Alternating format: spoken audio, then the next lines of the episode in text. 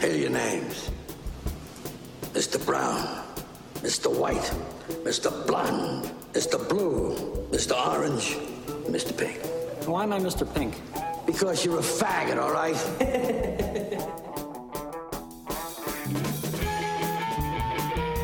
Benvinguts i benvingudes al Reservoir Jocs, episodi 45.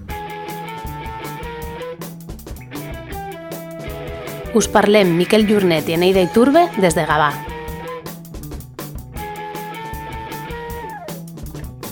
Ja sabeu que ens podeu trobar a reservoirjocs.cat i també estem a Facebook i a Twitter, eh, ens busqueu per Reservoir Jocs. I si voleu enviar-nos un correu electrònic som info arroba reservoirjocs.cat. Acabem de saber que aquesta mateixa tarda Sushi Go s'ha fet amb el Premi Ibertoi 2015 al millor joc de taula i societat.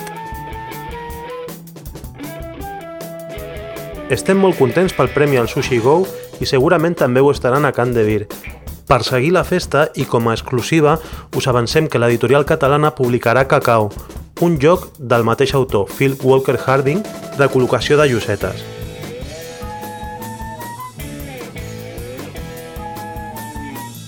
Tornant a la fira Ibertoi, demà dijous participarem al seu Jueves Blogger.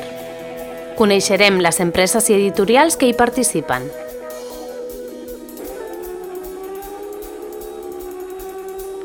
Us recordem que aquest cap de setmana es fa l'activitat del tas de llocs eh, organitzada pel Club del Lloc del CAE a Manresa.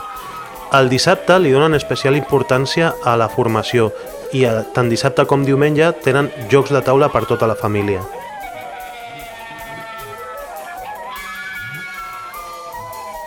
A l'Ateneu Candela de Terrassa s'han animat a organitzar el seu primer torneig de Catan. Serà el proper dissabte 28 de març i les inscripcions es poden fer fins al dia 21. Cada participant aportarà 3 euros i qui guanyi s'endurà tot el pot per poder-lo utilitzar a la botiga L'Andròmina.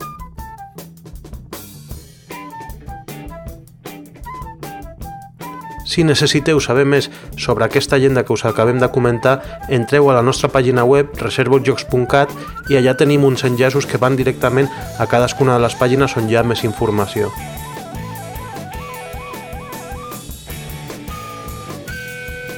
I ara ja sí, ja us comento el contingut d'aquest episodi número 45 i és, eh, a partir del minut 5 tindreu l'entrevista que li van fer a l'Oriol Comas, que parlem una mica de tot, perquè com el vam definir a la mateixa entrevista, és una figura polièdrica i parlem de DAO, parlem de Cans, parlem també del concurs de prototips de Granollers, parlem de moltes coses, no? com gairebé sempre que quedem amb ell per xerrar de llocs. I més tard, amb un separador musical pel mig, al minut 39 teniu l'àudio de la Nadine Seul, que és la, la directora del Festival Internacional de Llocs de Cans, eh, que és l'espeech que va fer quan va venir a, a Barcelona al passat Festival d'Au 2014, al mes de desembre. Alguns segurament ja l'heu escoltat o l'heu vist en vídeo, però creiem que lligar-ho va molt bé perquè amb l'Oriol parlem molt sobre el, sobre el Festival de Cants, que justament ells van estar allà fa molt poquet, i la Nadine Seul ens refresca una mica què és Cants i ens ho acaba de definir tot molt bé. I és recomanable escoltar una cosa darrere de l'altra i ens acomiadarem amb una cançó d'un grup que es diu Touch Me Equals que la cançó es diu eh, Si la cant, que la traducció seria eh, Se la canto i bé, bueno, és per cridar una mica l'atenció a l'amic Se la canto a veure si, si fa alguna altra secció al podcast del tablero que, que el trobem una mica a faltar i són seccions que, que ens agraden molt si ens estàs escoltant, que sé que a vegades ens escoltes eh, doncs això, animar-te que facis una altra secció i bueno, escoltar-la al podcast del Cabutor que ens agrada molt. Us deixem ja amb els continguts i, i bé, seguim, seguim parlant.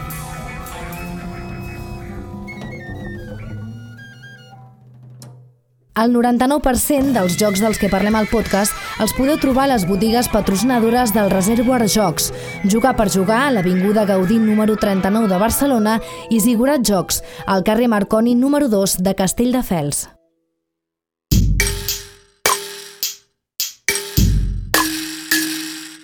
Avui som amb, amb l'Oriol Comas, s'hem reunit per parlar una mica d'algunes coses. Bon dia, Oriol. Hola, bon dia, Miquel. Sobre les coses que volem parlar és perquè fa poc va ser el Festival Internacional dels Jocs de Cants i tu vas anar allà, va anar una comitiva catalana. Què, què va anar a fer allà al Festival de Cants? Bé, Cants és un festival que ens agrada molt, a mi particularment m'agrada moltíssim, fa 15 anys que hi vaig cada any, i aquest any és veritat que hi hem anat convidats, per dir-ho així, amb un estant del Festival d'Au Barcelona i de la plataforma Barcelona Juga senzillament per explicar què fem, evidentment per promocionar, per, per, per promocionar el que fem i també com una petita ambaixada catalana del món del joc en un dels festivals més importants d'Europa. Què hi vam fer? Doncs vam tenir un estant prou gran on hi teníem eh, jocs que ens van donar autors catalans els vam demanar jocs que no fossin coneguts. Els jocs que ja estan editats internacionalment tenen menys interès, creiem que tenen, poden tenir menys interès pel públic francès perquè ja els coneixen, però en canvi vam presentar 30 o 40 jocs, bons jocs d'autors catalans que a França són o totalment desconeguts o poc coneguts. I també hi vam portar una petita o dues petites atraccions que van anar molt bé. Una era unes, unes miniatures i una escenografia del joc Carnevale, d'un autor català, el David Esbrí, i un camp de, de futbol botons. Futbol botons que va ser dels, dels jocs, de les activitats que millor van anar al Festival d'Au, doncs a Cans també va anar molt bé. I diria que el futbol botons és més desconegut allà que aquí, per tant hi havia, hi havia cua per jugar. Teníem de veïns el Pac Gallego i Guerra de Mitos que ensenyaven que ensenyaven el Guerra de Mitos, jocs nous protos del PAC i el, el, el Wake Up Tulu, el joc que ha guanyat el concurs d'Auberkami tot això el que vam, vam fer i parlar, vam fer moltes reunions, vam parlar amb molta gent, vam explicar les nostres, les nostres idees i puc dir que vam ser molt ben rebuts. L'impacte entre el públic francès de l'estand amb jocs catalans i de la promoció del Festival d'Au, quin va ser? Impacte en termes numèrics petit, val a dir que estàvem en un terreny on no és fàcil moure-s'hi, per entendre's. A per Cans hi passen cada any 150.000 persones. Porten, si no m'equivoco, aquesta l'edició 29. Per tant, és un festivalot, és, un, és una, un festival molt, molt gran. I el públic francès és un públic que li agrada poc moure's amb certesa vam tenir centenars o milers de gent que ens van dir que vindrien a Barcelona? No. Però vam poder parlar amb molts editors, vam poder parlar amb premsa especialitzada francesa, vam parlar amb persones importants de l'escena lúdica de França i eren aquests els que, el que ens adreçàvem, el, el públic també, evidentment. Ja dic, fa molts anys que anem, a, que anem a Cans a fer reunions i a veure els amics i a parlar de projectes. Aquesta vegada ho vam fer d'una manera, diguem, més institucional, podríem dir. M'has dit que vau triomfar amb, amb el futbol botons, però de joc de taula com a producte, quin va cridar més l'atenció del públic que es va apropar a l'estand? El Gardens el vam, el vam jugar molt, perquè el Pere Pau era un dels, el Pere Pau Llistosell era un dels autors que teníem allà, que va estar moltes hores a l'estand. Vam jugar també prou el, el, el Manresa 1924, que era una autèntica novetat vam jugar diferents jocs, però jo crec que el joc que vaig veure més a la, a la taula que teníem per, per ensenyar i que vam ensenyar a més gent, jo crec que va ser el Gardens. I el cas dels catalans, li va fer cas la gent? Perquè igual també, com a lloc català, té una, una idea al darrere que també vol transmetre alguna cosa i també sé que es publicarà també en anglès per eh, GMT. Ells tenen curiositat per aquest tipus de jocs o li agrada més el joc més familiar? El gran públic de Cans és prou familiar, per tant li agraden les, les coses, però ja, ja, ja et dic, no, no era un estant on jugàvem amb el, amb el públic, volíem jugar amb gent, amb gent determinada, amb, amb prescriptors, amb líders d'opinió francesos. I el que vam fer amb els jocs era alguns els traiem a la taula i els jugàvem, els mostràvem, però els anàvem, explicàvem el, la taula on els teníem tots exposats, era la taula que anàvem explicant. El cas dels catalans, doncs sí, amb algunes persones els hi va cridar l'atenció pel fet de la situació política ara de, de, de Catalunya, relacions amb Espanya, etc. però no va ser un joc que el, el, el, traie, el traiéssim a jugar, sí va ser un joc que vam ensenyar més, més d'una vegada, però s'ha de tenir en compte que el mercat francès és un mercat eh, molt especial Si un joc no està en francès, senzillament no existeix. I el cas dels catalans ha sortit en català i en anglès, i distribuït als Estats Units per GMT, com, com tu deies, però no està en francès. Per tant, un joc que no està en francès... Diferències i similituds entre Dau, que la gent segurament el coneix perquè s'ha passat, i Cans, que igual no, però haurien d'apropar-se alguna vegada. Quines diries tu que són les majors diferències i les majors similituds? La, la, les diferències gran és de magnitud. Cans hi van cada any, eh, ho, ho deia ara, és la 29a edició, si no m'equivoco, té una història molt curiosa de la manera com va néixer, sempre ha estat una iniciativa municipal, amb una oficina durant tot l'any treballa pel, pel Festival de Cans, tenen unes instal·lacions collonudes al, al Paler de la Coraset, on es fa el, el Festival de Cinema, tenen un pressupost considerable, tenen 300 expositors, aquest any tenien més de 300 expositors, aquest any han obert un hall nou només per joc infantil i familiar, no hi ha punt de comparació. Similituds, som dos festivals que ens adrecem sobretot al públic familiar i som dos festivals que compartim el fet que els festivals han de ser gratuïts perquè l'administració ha d'oferir als ciutadans la possibilitat de jugar més com un servei públic. De la mateixa manera que les administracions fan biblioteques, jo crec que les administracions també han d'afavorir que la gent jugui més, com a acte cultural i com a acte social que és.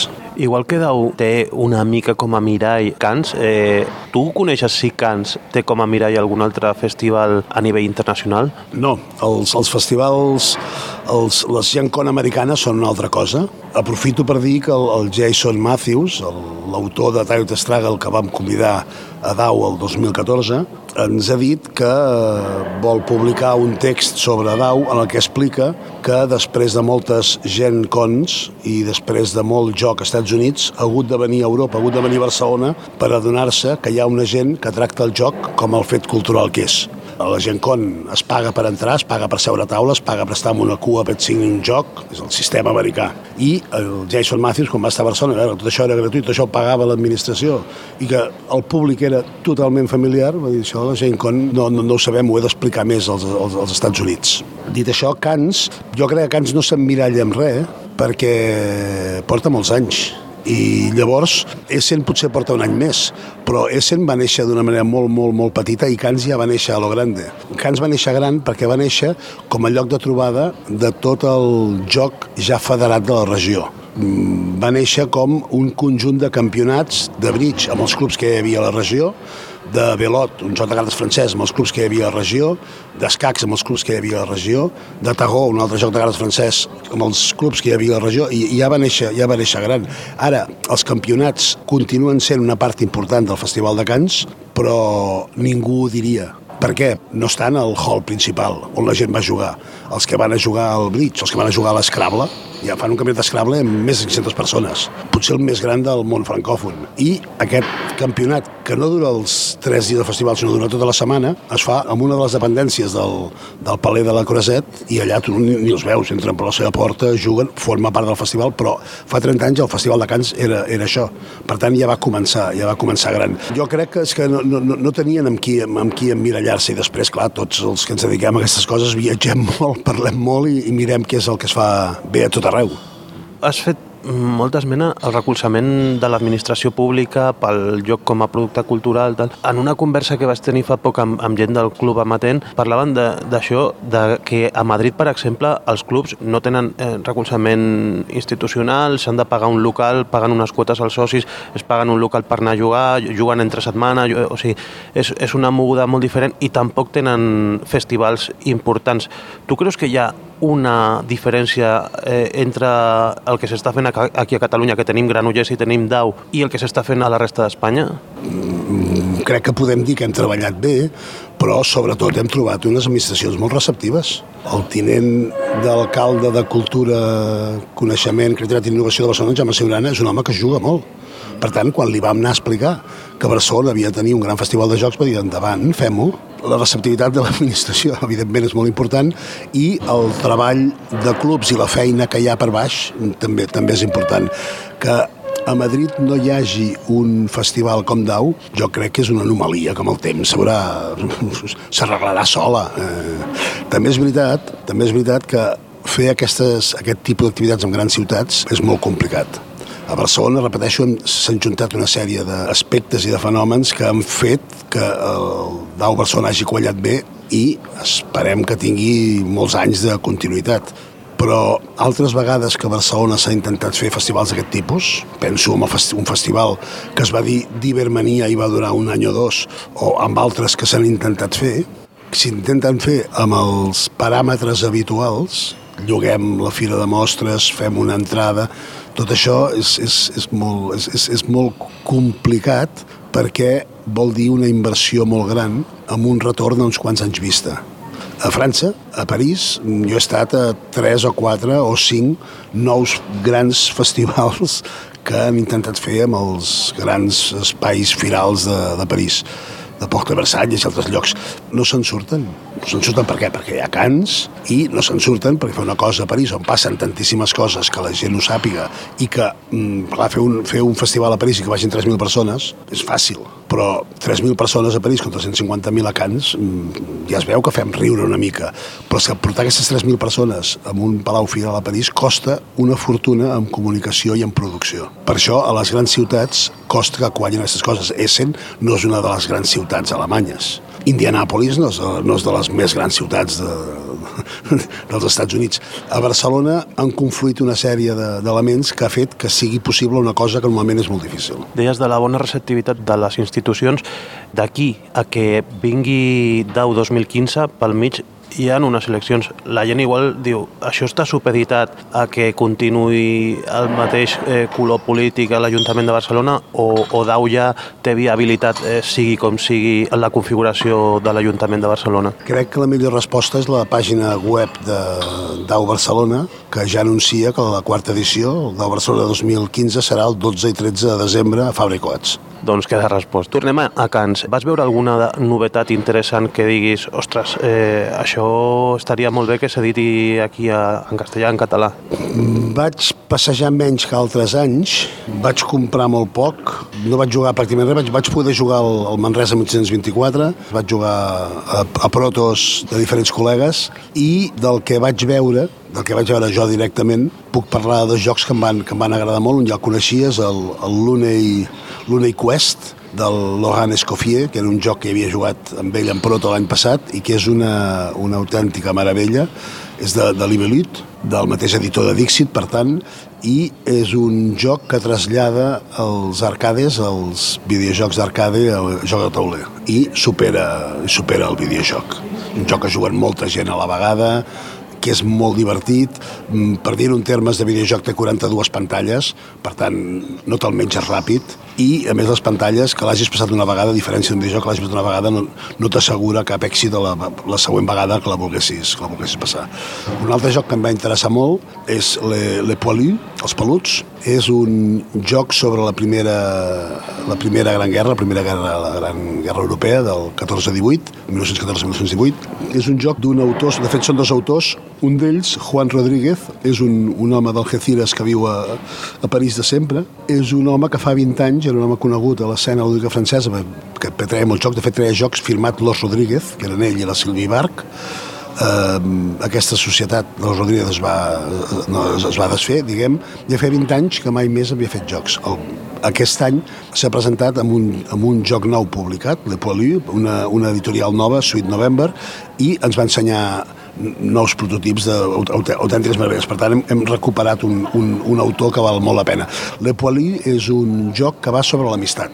Uh, L'escena del joc és que uns amics estan en un petit poble francès el 1914 i de cop i volta veuen que pengen un ban a la paret de, en una paret a la, a la plaça Major dient que s'ha declarat una guerra, tothom està mobilitzat, tothom va a la guerra. I ells diuen això de la guerra és una putada, per tant hem de mantenir el que sigui, com sigui, la nostra amistat per damunt de la guerra. I és un joc col·laboratiu de dos a cinc persones que va d'això. Sí, l'amistat és millor que la guerra i estan, és un joc de cartes senzillet però amb uns quants, amb unes quantes coses interessants que fa que els jugadors mentre cauen bombes i neva i passen gana s'hagin de mantenir units davant de totes les adversitats. Aquest joc, a més, té un, una part eh, una mica tràgica, que és que les il·lustracions són del Tinyús, un dels caricaturistes assassinats a Charlie Hebdo. Al desembre ja es parlava que Tinyús presentaria, Tinyús era un home molt estimat a França i Tinyús era molt amic d'aquest, del Rodríguez aquest, eh, per això van fer el joc plegats. El desembre es deia que el Tinyús, un Charlie Hebdo a presentar un joc a Cans i després es va transformar en un homenatge als, els assassinats de Charlie Hebdo. Et vas passar per l'OF, per lo que fan per la nit, que aquí la gent també ho coneix perquè ho fem aquí al Dau, que és per jugar lliurement. Eh, vas veure algunes cosetes allà? No, no vaig poder passar per l'OF perquè no estava, no estava gaire bé de salut aquells dies i estava molt, molt cansat. Per tant, quan eh, Cans tanca a les 7, anàvem a sopar, seguíem xerrant i a les 10 quarts d'onze m'anava a l'hotel. Crec que sí té una mica d'alegria que nosaltres també tenim un OF. El nostre OF aquest any hi havia 400 persones, crec que va anar a l'OF de, de, de l'OF d'Au va anar de meravella, el club crític va fer una feina collonuda, vam tenir 400 persones, vam tenir algunes persones a la, a, fora intentant entrar quan ja no hi havia una cadira lliure i l'OF de Cans, que recordo els primers anys que es va fer l'OF, que érem 30, i ara l'OF de Cans jo crec que es compta les, potser 2.000 persones al, al, a l'off de, de Cans. Per tant, ens hi podem comparar, sí, els dos són, són off, són el, el, el, mateix, el, el mateix format, diguem, però l'off de Cans ha mantingut una cosa que, que era difícil els primers dies, que és un lloc on es proven prototips. No a totes les taules, però si hi ha 150 taules, improviso, l'off de Cans és una, és una nau enorme, diàfana, una sala diàfana molt, molt gran, si hi ha 150 taules, a la majoria juguen prototips. A veure si, si ho copiem, això. I es juguen prototips aquí també a, a Dau. Igual que tenim implementat l'OF, tindrem algunes altres implementacions o novetats que tu creguis que s'han d'aportar al Festival Dau Barcelona, al proper, al del 2015? Aquest any intentarem posar més coses, intentarem portar al límit una vegada més fabricots. La progressió de, de Dau ha estat de la primera edició 3.500 persones, la segona edició 8.500, la tercera edició 14.000. 14.000 ja era el límit l'any passat que podia aguantar Fabra i Coats, de fet no vam tenir cues, algú es va queixar que volia jugar amb un joc i aquella taula sempre estava plena, aquestes coses passen. Vam utilitzar el, el gran pati de Fabra i Coats amb jocs tradicionals, cosa que no, que no havíem fet fins, fins aquest any. Vam utilitzar el Casal de Barri, que és un edifici de gairebé 2.000 metres quadrats. Com que Fabra i Coats és un gran complex que hi estan fent obres contínuament, espero que aquest any puguem disposar, eh, aquests dies sabrem de quants més milers de metres podem disposar per fer-hi noves activitats. L'any passat vam fer, jo crec, un canvi radical en el Festival d'Au, que era que fins a la primera edició n'havíem dit Festival de Jocs de Taula i l'any passat vam dir, ja en vam dir Festival del Joc. Creiem que el joc de taula és el cor del joc, és el millor tipus de joc, és el joc més social, és el joc més eh, cultural, més relacional, més intel·lectual, que rius més, és on el joc explota el seu, el seu màxim nivell, però hi ha molts tipus de jocs per això l'any passat vam incorporar el joc tradicional, com a la segona edició vam incorporar per la porta gran els jocs de simulació històrica. Aquest any volem, volem seguir, volem continuar creixent, repeteixo, dins dels límits de, del recinte Fabra Coats o, per què no, fora del recinte de Fabra Coats, estem estudiant moltes possibilitats i volem que hi passin més coses. On, on voldríem créixer? Volem créixer amb joc de rol, encara que moltes vegades els roleros ens diuen que ells no són joc de taula. Volem créixer amb miniatures, volem créixer amb noves formes de joc que mm, estan, estan apareixent. Ara com ara encara estem pendents de, de la part de superfície hem de veure de quant, de quant espai podem disposar. Hem, de la mateixa manera que hem dit que hem més que triplicat el nombre d'assistents de, la primera edició a la tercera, hem més que triplicat l'espai disponible. Tant de bo aquest any eh, disposem, en lloc de 6.000 metres quadrats com l'any passat, disposem de 8.000 o més metres, ja ho veurem. Per aquesta relació que, que fem amb Cants, que a mi em sembla encara no, encara que penso que Dau Barcelona té molt potencial, i podrà créixer molt en, en, anys, en els anys següents, l'espai expositiu de Cans és de 32.000 metres quadrats. Pot pensar per la conferència que es va fer aquest passat desembre de l'Anton Planells que se li feia com una clocada d'ull eh, des del Festival d'Au al videojoc. De fet, Cans eh, té bastant, bastant presència de videojoc. Hi haurà videojocs alguna vegada a, al Festival d'Au? Sí, segur que hi haurà videojocs al Festival d'Au. No sé si, si, si ja serà aquest any. De fet, en la primera edició el que teníem era una, una game table, una, una taula de joc, la Digali X, la, la, la taula Digali X, produïda, creada i produïda a Barcelona. Volem treballar amb el, amb el videojoc, però som conscients de la diferència de magnitud d'un d'una indústria i de l'altra i per tant el que no podem fer és que DAO es converteixi en un raconet dintre d'una fira de, de, de videojocs. Sí que volem treballar el videojoc, però volem treballar, jo crec que haurem d'esperar encara alguns anys que la idea central de DAO Barcelona es consolidi encara més. I tenint sempre present que la diferència entre joc i videojoc és sempre l'element humà. És jugar contra una pantalla o jugar amb una persona. Això sempre s'ha de tenir present. A, a Cans, per posar un exemple, no estan junts, joc i videojoc. La distribució dels espais de Cans permet que una, hi hagi un espai delimitat que fins i tot alguns anys era un espai tancat pel qual es pagava per entrar sigui un, sigui un espai dedicat al videojoc, però no, no trobes un, un editor de jocs de taula i al costat un editor de videojocs, això no, no, no, no passa a Cans. En canvi, si trobes un editor de jocs de taula, un que fabrica armes de soft combat i un que fa jocs de, de mida real. Això, això sí que ho trobes. Són totes les classes de joc. El videojoc és una, a Cans està una mica separat. Ara, jo crec que al futur hi haurà formes d'hibridació del que entenem la comissió de taula i del videojoc que faran que haguem de treballar plegats. Però abans de, del DAU 2015 ve eh, Granollers. Tu ets una figura polièdrica, també estàs a, a, amb el concurs de creació de jocs de Granollers. Eh, com ha estat la rebuda d'aquest any? Heu rebut molts prototips? Has vist alguna cosa que sigui interessant, mecàniques noves, alguna proposta fresca?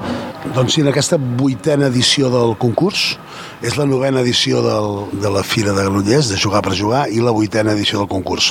Eh, aquest any eh, vam començar amb por de que hi hagués una tendència a la baixa de la recepció de, de jocs, però finalment hem rebut 106, que són una, jo crec que és una quantitat mm, molt, molt alta.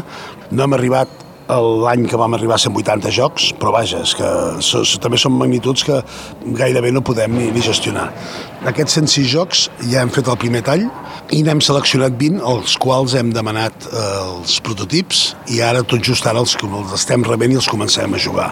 La fórmula que vam adoptar l'any passat que el jurat es reunia els mateixos dies de la fira, la tornem a fer aquest any, convidarem els autors finalistes, els que puguin venir, i de manera que mm, viurem tots a la, a la fira de Jugar per Jugar de Granollers, del 14 al 17 de maig, viurem tots en directe el, el procés aquest. El, el jurat es tancarà els dies 15 i 16, el divendres i el dissabte, amb un hotel i sortirà de l'hotel per donar en directe el seu veredicte. Tant de bo els sis autors finalistes puguin estar allà i, i puguem fer una, una festa com fem ja des de fa uns quants anys. El, el, aquest any serà el dissabte 16 de maig a les 8 de la tarda, serà la festa de lliurament dels premis el premi està totalment consolidat, però eh, a vegades els, els aficionats ens trobem que el joc que s'edita premiat a Granollers a vegades costa molt de trobar perquè, per exemple, l'Steampunk Rally va sortir per Kickstarter i va sortir per una editorial canadenca o el Constructor havies de fer un Indiegogo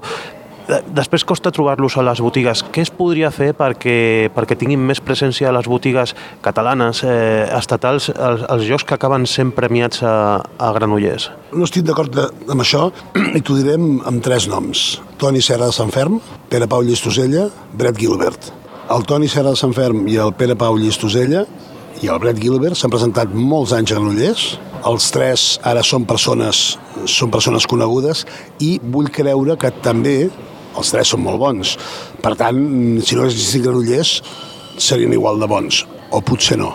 Perquè el Brett Gilbert, que va guanyar Divinare a Granollers fa dos o tres anys, abans de Granollers, havia fet molts jocs. Havia presentat molts jocs a Granollers.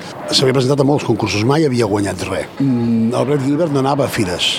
Ell tenia un, un web boníssim on explicava els seus jocs, on parlava de tècniques de disseny, però els seus jocs no anaven lloc. Va guanyar Granollers amb el Oracle Pathway, que es va transformar en Divinare, i un dels jocs estrella aquest any a Cans era Elysium, el joc que han fet ell i el, i el Matthew Dunstan i que ha publicat amb tots els honors Space Cowboys, una de les noves i grans editores d'ara mateix.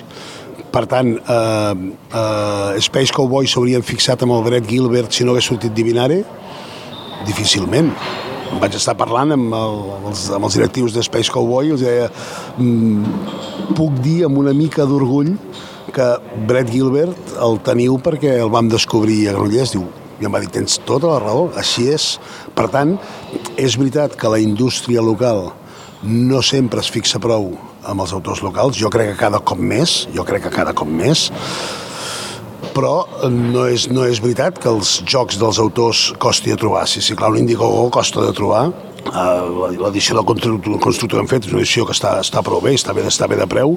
El, el Divinare és un joc que mm, no el va fer una, una editorial d'aquí, perquè de seguida va, va, va sortir el joc, mm, diferents editorials van anar a sobre, i ell va triar per Asmodee. Clar, Asmodee és una multinacional i el joc va sortir amb un llançament internacional.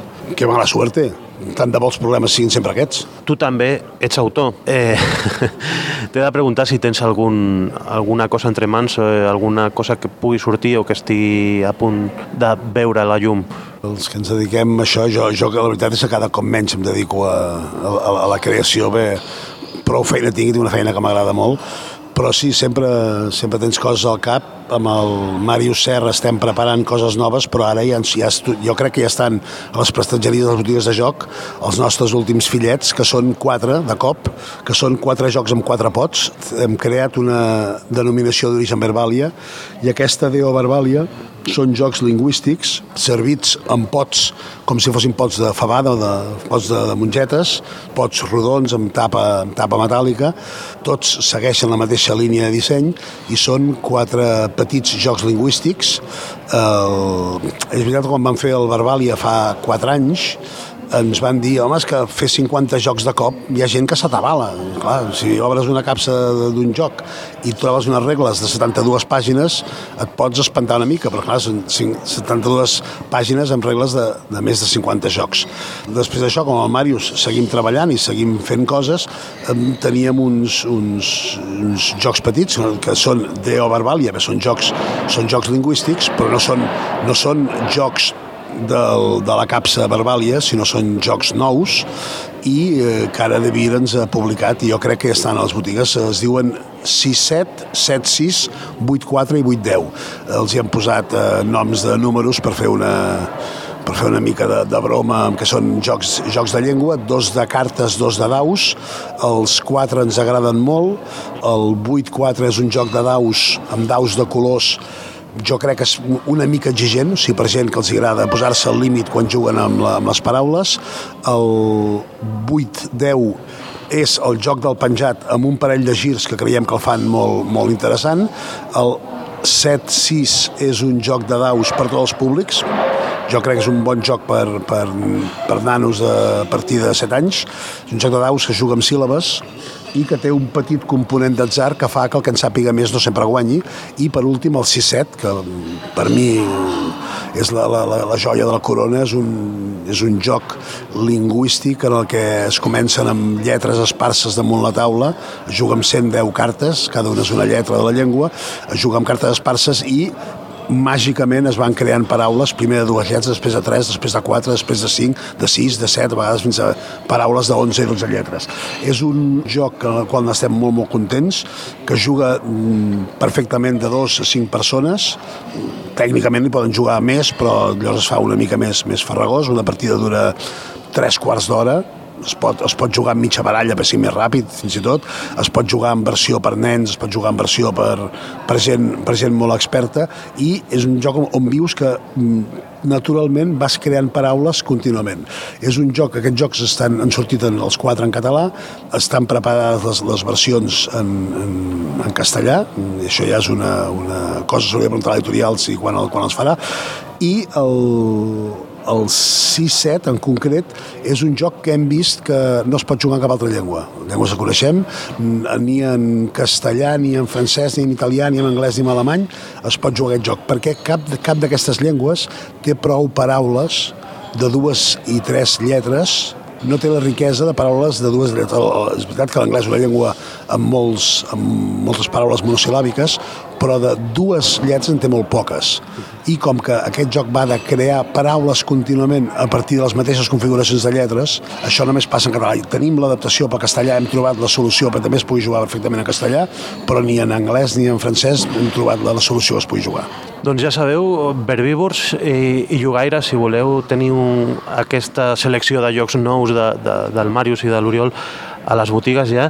I bé, hem parlat molt de, del Festival de Cants i tal i una senyora que tenia un discurs prou potent sobre, sobre el, el festival i sobre el món dels jocs en general és la Nadine Seul, que va estar convidada aquí al, al Festival d'Au Barcelona. I si vols, Oriol, ens acomiadem i recuperem una mica tot el que va dir aquella gala dels Premis d'Au Barcelona, que crec que va ser força interessant i és el nexe d'unió entre Barcelona, Cans, eh, Cans Barcelona, aquest viatge d'anada i tornada que hem fet i, i gràcies per explicar-ho i, i per, bueno, per dir-nos totes aquestes coses de totes les activitats eh, d'AU, extra d'AU, eh, Oriol Comas autor, Oriol Comas eh, Granollers, tot això pels nostres oients. Gràcies, Oriol. Gràcies a vosaltres i gràcies per treballar tant.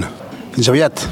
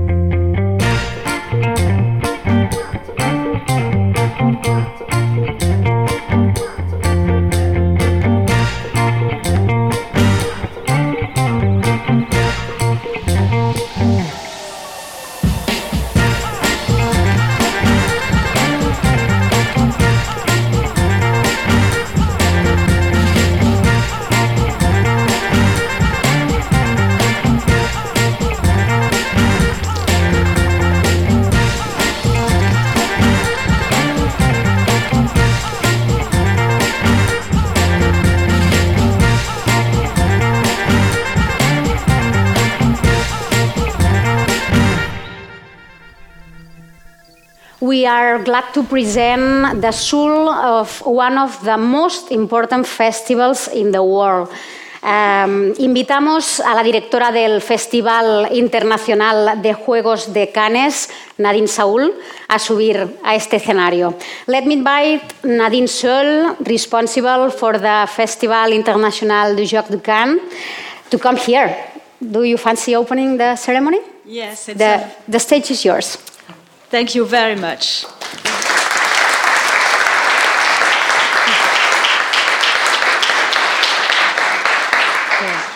Buenas tardes, señores y señores, queridos amigos, y disculpen que no parlo catalán, entonces tendré que hablar en castellano. Eh, es un gran placer y un gran honor estar aquí hoy en la inauguración del Festival DAO Barcelona. Como comisaria general del Festival Internacional de Juegos, organizado por el Palais de Festival de Cannes, quiero dar las gracias a los organizadores del, eh, del Festival DAO Barcelona, mi amigo, gran amigo Oriol Comasicoma, que todo el mundo conoce aquí y también en Francia, en el mundo de los juegos. Y también a Inés Garriga, directora de la creatividad e innovación del Ayuntamiento de Barcelona, que me han invitado uh, a hablarles de, del Festival de Cannes, que se ha convertido después de 29 años, sí, 29 años de existencia, en el más importante festival gran público del mercado francófono y juntamente con otro festival gran público, el de Essen en Alemania, en el festival más importante de Europa. El juego, como todos lo saben aquí, significa compartir. En Cannes estamos siempre dispuestos a compartir nuestra experiencia con los organizadores de otras uh, manifestaciones uh, culturales dedicadas al juego. En febrero pasado tuve el placer de recibir precisamente a Oriol y a Inés en Cannes y ahora es mi turno de visitarles a ustedes. Y es realmente un gran placer. Tal vez algunos de ustedes que todavía no han tenido la oportunidad de venir a Cannes se sorprenderán un poco al ver el nombre Cannes asociado a la palabra juego porque para mucho, para muchos, para mucha gente, Cannes es ante todo sinónimo de cine. Pero como lo dijo una vez el actor Omar Sharif a un periodista que le preguntó si iba a ir a Cannes, sí iré a Cannes, dijo, al Festival de Cine y al Festival de Juegos.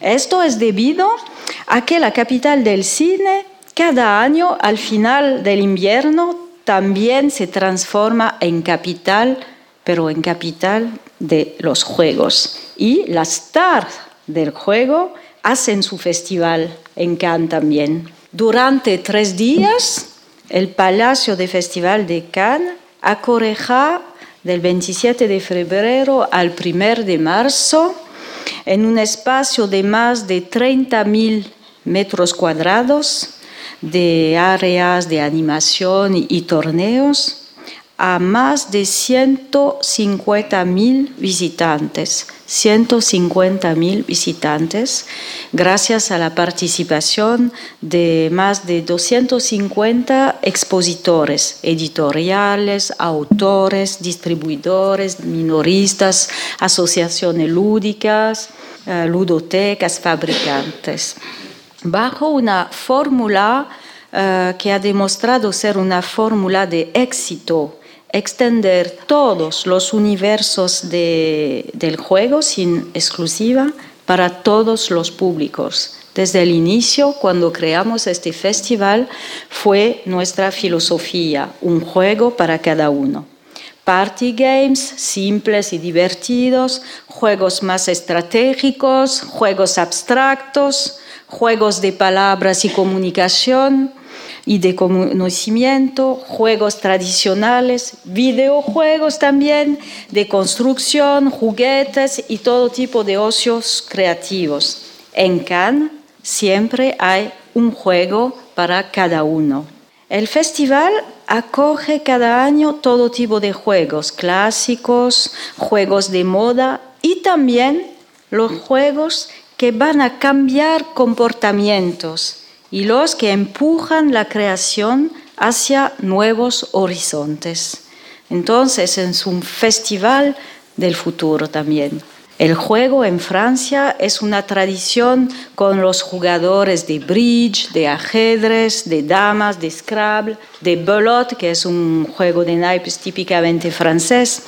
Y el festival les reúne desde ya hace 29 años. Grandes jugadores, campeones como amateur. Y las más grandes federaciones se encuentran en Cannes, la Federación de Bridge, Ajedrez, Dam, Scrabble o Tarot, pero también, asimismo, es el lugar de encuentro de federaciones más pequeñas que hacen descubrir juegos menos conocidos como el shogi, el agualé, el otelo, el mahjong, el go o el carom.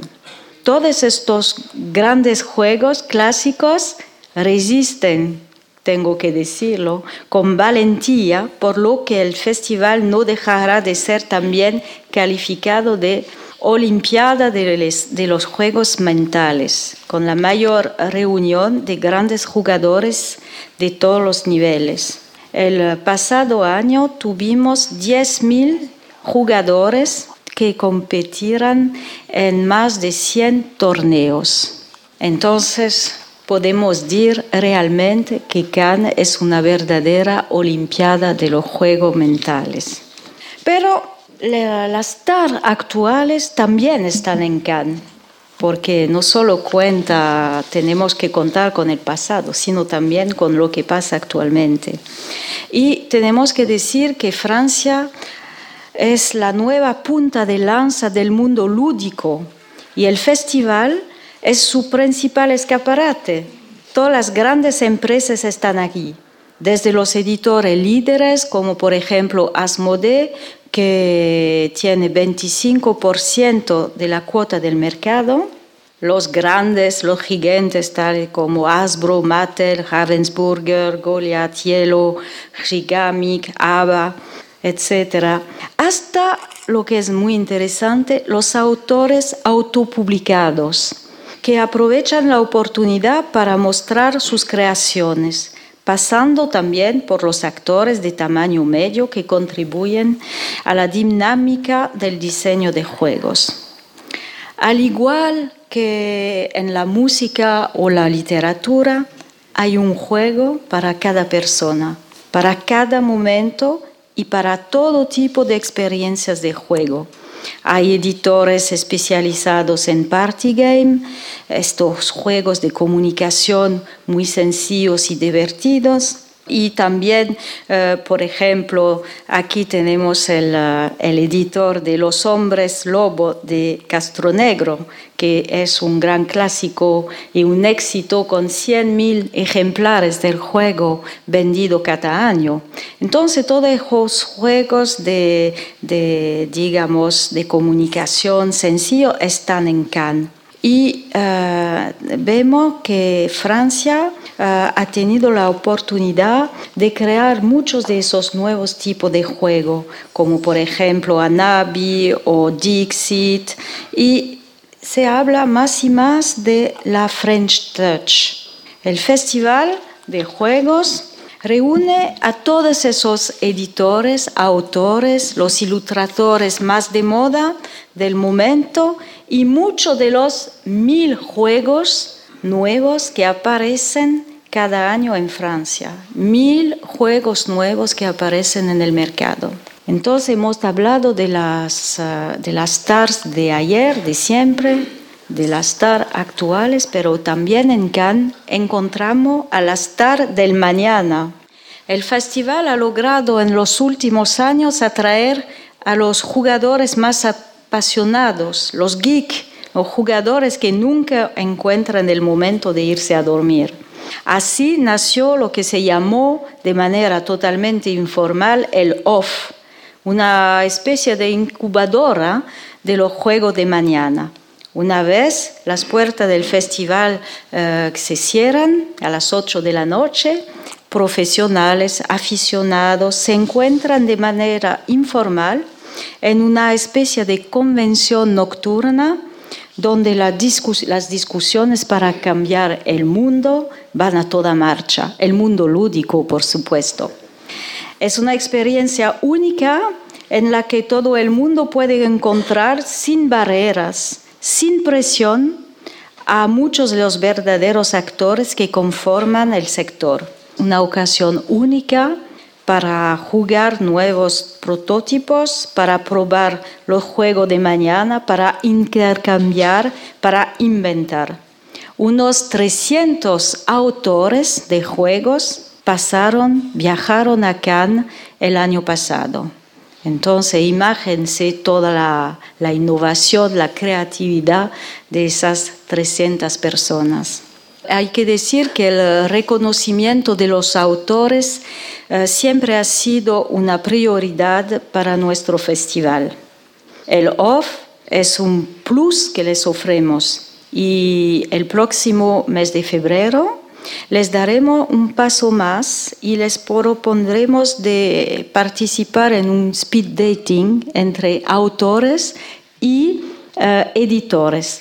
A ver si así tengan la oportunidad de presentar eh, un juego, una joya que se convertirá en el próximo bestseller del mundo del juego. Quién sabe, lo esperamos.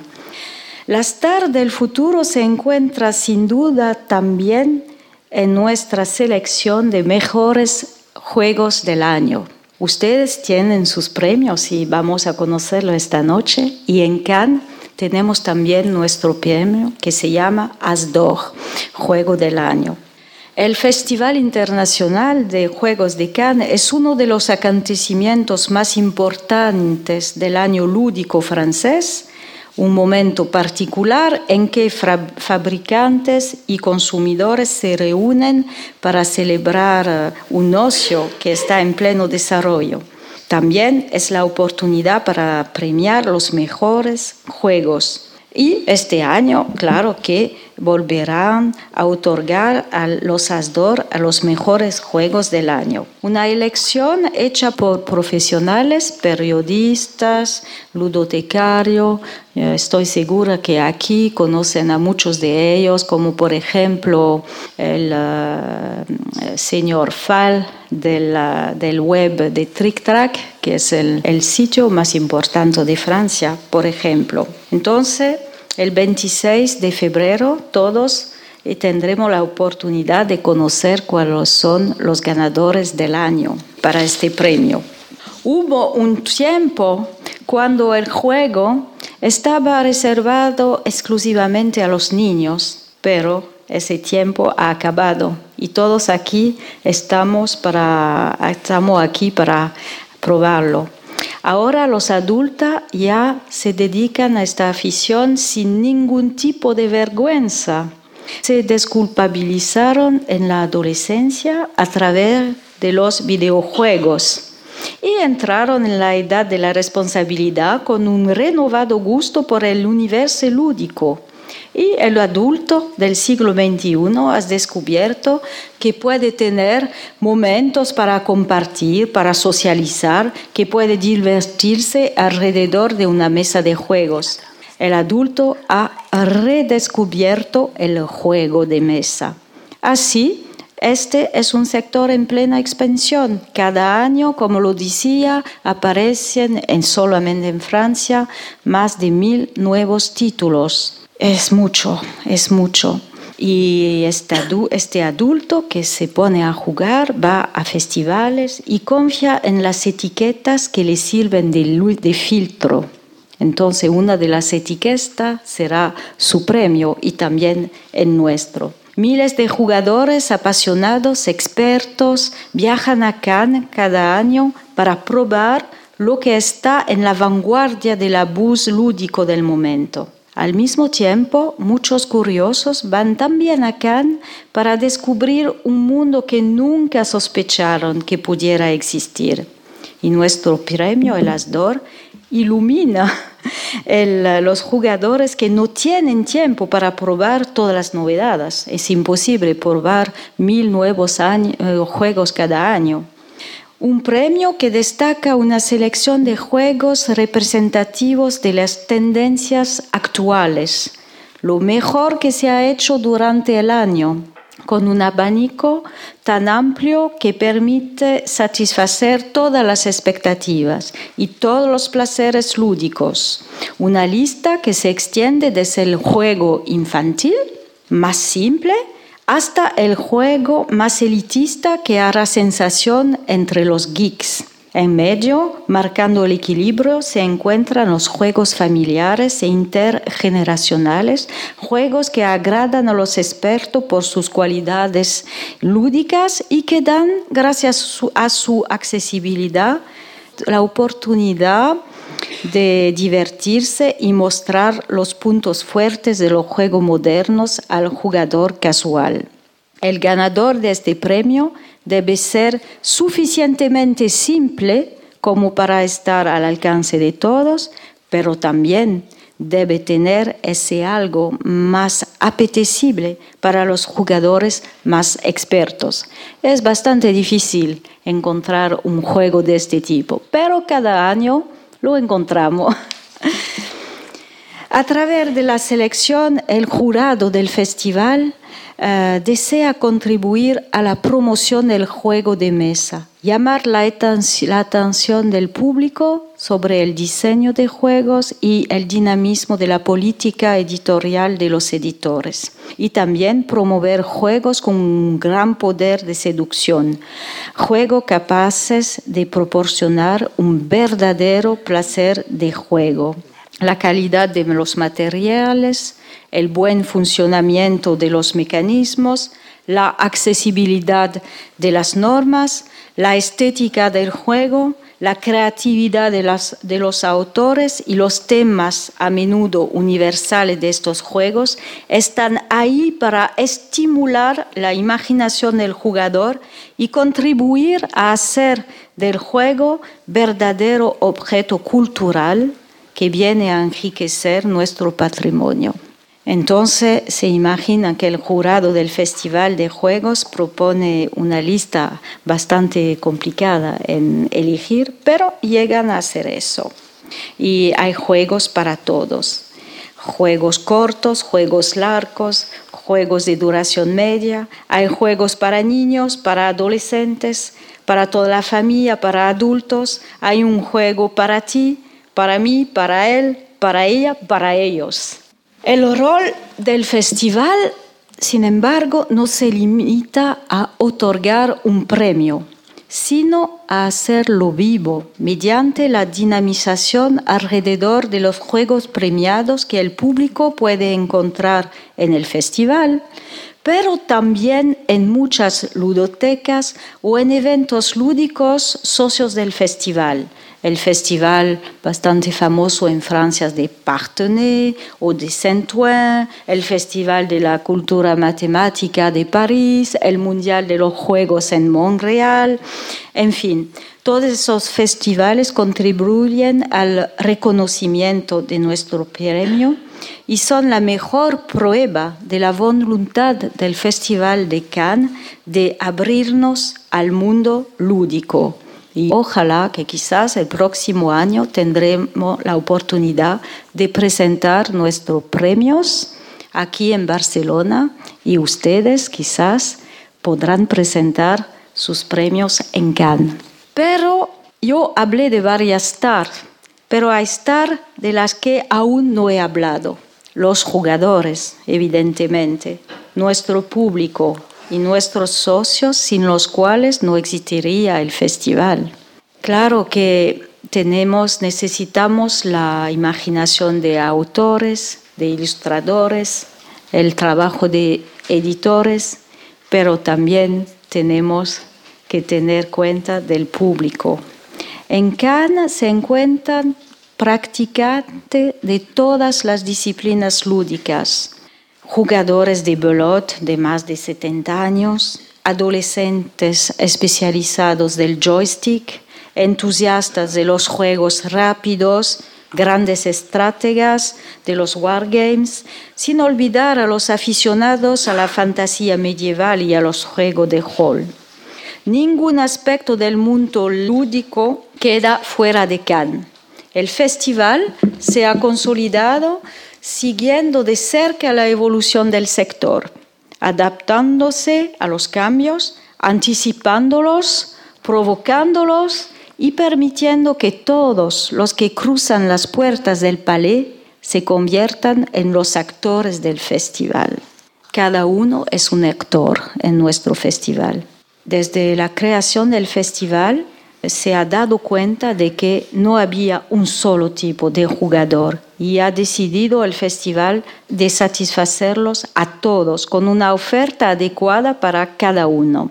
Cuando la ciudad de Cannes nos pidió en el año 1986 proponer un acontecimiento capaz de unir el número más grande de personas y al mismo tiempo involucrar tanto a la población local, nacional e internacional, el juego, fenómeno universal, se impuso inmediatamente.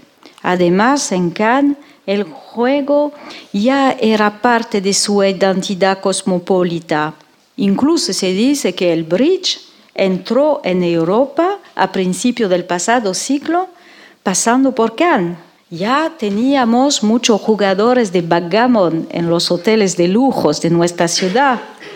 Nuestro club de ajedrez, que cuenta más de 3.000 personas en una ciudad que solo cuenta con 74 mil habitantes, obtuvo muchas veces el score del mejor club de ajedrez de Francia. Entonces el festival se apoyó en esta tradición y poco a poco ha incorporado a su organización los numerosos clubes de la ciudad y de la región. Después de este inicio, el Palais de Festival recibió de la ciudad una misión de servicio público para organizar el festival. En febrero de 1986, cuando abrió el primer festival, tuvimos 20.000 personas, 2.000 inscritos a los torneos. Entonces nos preguntamos, ¿es un fuego de artificio efímero o un fenómeno social. Y las cifras de los años siguientes nos darían la respuesta, porque en el año 2000 50.000 visitantes y ahora 150.000. Entonces los cifras hablan. Para explicar este éxito hay varias razones, claro. El protagonista del festival evidentemente es el juego el festival ha sabido liderar este fenómeno social que también es un fenómeno natural intrínseco al hombre. La necesidad de jugar, de recrear una mini sociedad a través de los juegos, asumiendo diferentes roles, el malo, el amable, el héroe, se teje un vínculo entre los jugadores, compartimos algo, vibramos con el mismo tema. A través del deseo de ganar, los espíritus se liberan, las lenguas se desatan. La comunicación bajo la cobertura de un juego realmente cobra todo su sentido. La accesibilidad de los juegos de mesa también sigue siendo un punto fuerte de su éxito. Con un precio medio en Francia, por ejemplo, de 20 euros, los juegos eh, no son muy caros. Además, se pueden utilizar prácticamente en todas partes, con reglas a menudo simples, comprensibles para todos. Representan un fuerte vínculo entre los miembros de una familia, de un grupo, de amigos o incluso entre jugadores de diferentes países. Como lo saben, el lenguaje de los juegos es universal. Realmente podemos decir que los juegos desafían al tiempo han sabido adaptarse a los gustos con el uso de temas contemporáneos, ofreciendo pequeños juegos rápidos al lado de grandes juegos de estrategia y con tableros y materiales de estética totalmente renovada. Por otra parte, aunque el juego se presenta generalmente como un entretenimiento, sus valores educativos, desarrollo de las capacidades de observación, análisis, reacción, comunicación, imaginación, el respeto de los demás, son y sus beneficios producidos por la gimnasia mental y sus virtudes intergeneracional y de socialización son cada vez más apreciados y utilizados por los educadores, mediadores sociales y la profesión médica. Entonces, resulta bastante fácil explicar el éxito del juego con todo este resumen de sus valores. El fin anunciado de los juegos de mesa no tuvo lugar. En casa, en el bar o en el club, los juegos de mesa resisten ante el avance de los videojuegos. Y, por ejemplo, en el Festival de Cannes no se nota ninguna uh, desilusión o baja de la presencia de los jugadores. Los juegos de mesa siguen estando en buen lugar en la lista de regalo de Navidad y durante todo el año 20 millones de juegos fueron vendidos en Francia con un incremento de las ventas de casi el 5%. Antes del año 1986, creación del festival, ningún acontecimiento de gran público tomaba en cuenta el fenómeno lúdico en su conjunto. Y el festival ha explicado con eficacia este fenómeno y ha sabido desarrollarlo en todos los aspectos, sin perder el tren de las nuevas prácticas de juego, incluida la de la cultura video, del videojuego. El festival supo adaptarse a su público. La voluntad del festival es inserirse también en el tejido social, educativo y cultural de Cannes y de nuestra región y garantizar que el mayor número posible de entidades se adhiera a su amplio concepto todos los universos de juegos para todos los actores del mundo del juego.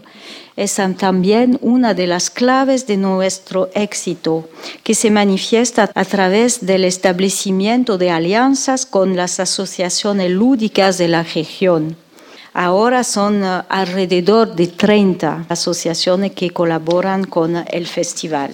También una relación especial la tiene el festival con uh, los expositores de la región, a los cuales se ofrecen condiciones preferenciales. Entonces tratamos de añadir a todas esas personas de nuestra región para que comparten el festival con nosotros. Se ofrecen también a las escuelas recogidos de juegos, a las escuelas, a esa estructura de juventud que vienen al festival. Alumnos de las escuelas, muchos de ellos vienen a hacer sus primeras prácticas en el festival.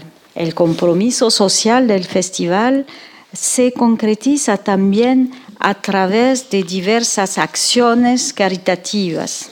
Por ejemplo, la organización de una lotería de ayuda con la Asociación eh, Adrien, que trabaja con niños enfermos, nos permitió el año pasado de recoger casi 24 mil euros.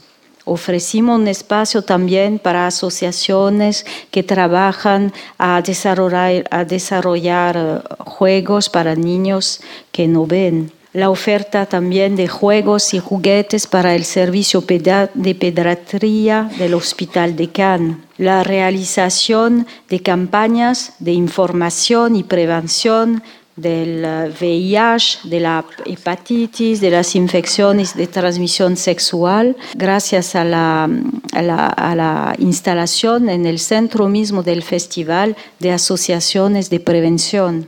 Los actores la, económicos de la ciudad de Cannes también reciben directamente el impacto del festival y en primer lugar los establecimientos hoteleros, que son invitados a ofrecer tarifas especiales para nuestros visitantes y los restauradores. Se estiman en 5 millones de euros los beneficios económicos generados por el festival. Entonces, el juego, pero también los resultados económicos. El festival se convirtió en uno de los grandes acontecimientos de los que se celebran en Cannes. Cada invierno se esfuerza para satisfacer el conjunto de los actores del mundo del juego. Como un verdadero precursor, ha sabido situar la cultura lúdica en el centro de atención gracias al apoyo de todos, autores, editores, federaciones, asociaciones, y responder a los deseos del público de conocer novedades y tendencias del juego. Ha demostrado que este proyecto loco al inicio y su fórmula original respondía a una expectativa real. Si el festival se ha posicionado siempre como un acontecimiento de gran público, en el que la satisfacción del público está en el centro de las prioridades, uno de sus retos es también abrirse a los profesionales y convertirse poco a poco en un verdadero encuentro profesional. Por su papel aglutinador del mundo lúdico, el festival se ha convertido con el paso de los años en un lugar de encuentro profesional informal y una herramienta al servicio del mercado del juego.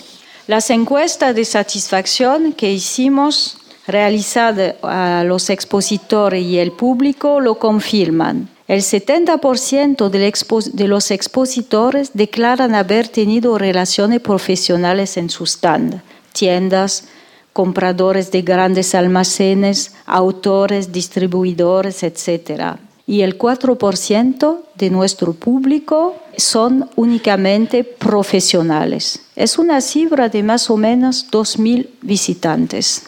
Los profesionales del juego vienen cada vez más al festival, no únicamente como expositores, sino también como visitantes para varias razones.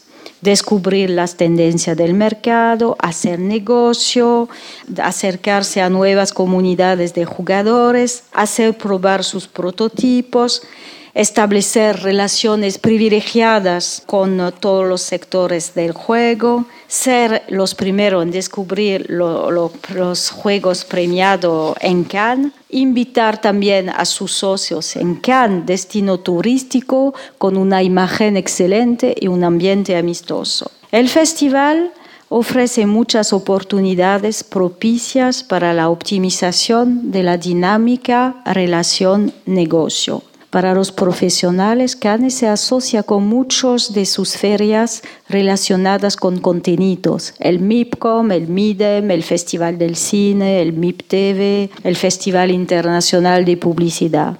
Además, aprecian que la ciudad se convierta en la capital de la lúdica mientras dura el festival. El festival, favorito de los visitantes, cada vez más apreciado por los profesionales, debería continuar creciendo. Confiemos en ello. El juego de mesa podría vivir ciertamente revoluciones en un futuro próximo en base a nuevos conceptos, pero lo esencial se mantendrá. El placer de encontrarse con los amigos o en familia alrededor de una mesa solamente con unas fichas y un tablero de cartón. Cuando el juego se convierte en un estilo de vida, cuando la vida se convierte en un juego, todo el mundo va a Cannes y ojalá todo el mundo venga a Barcelona también. Muchas gracias.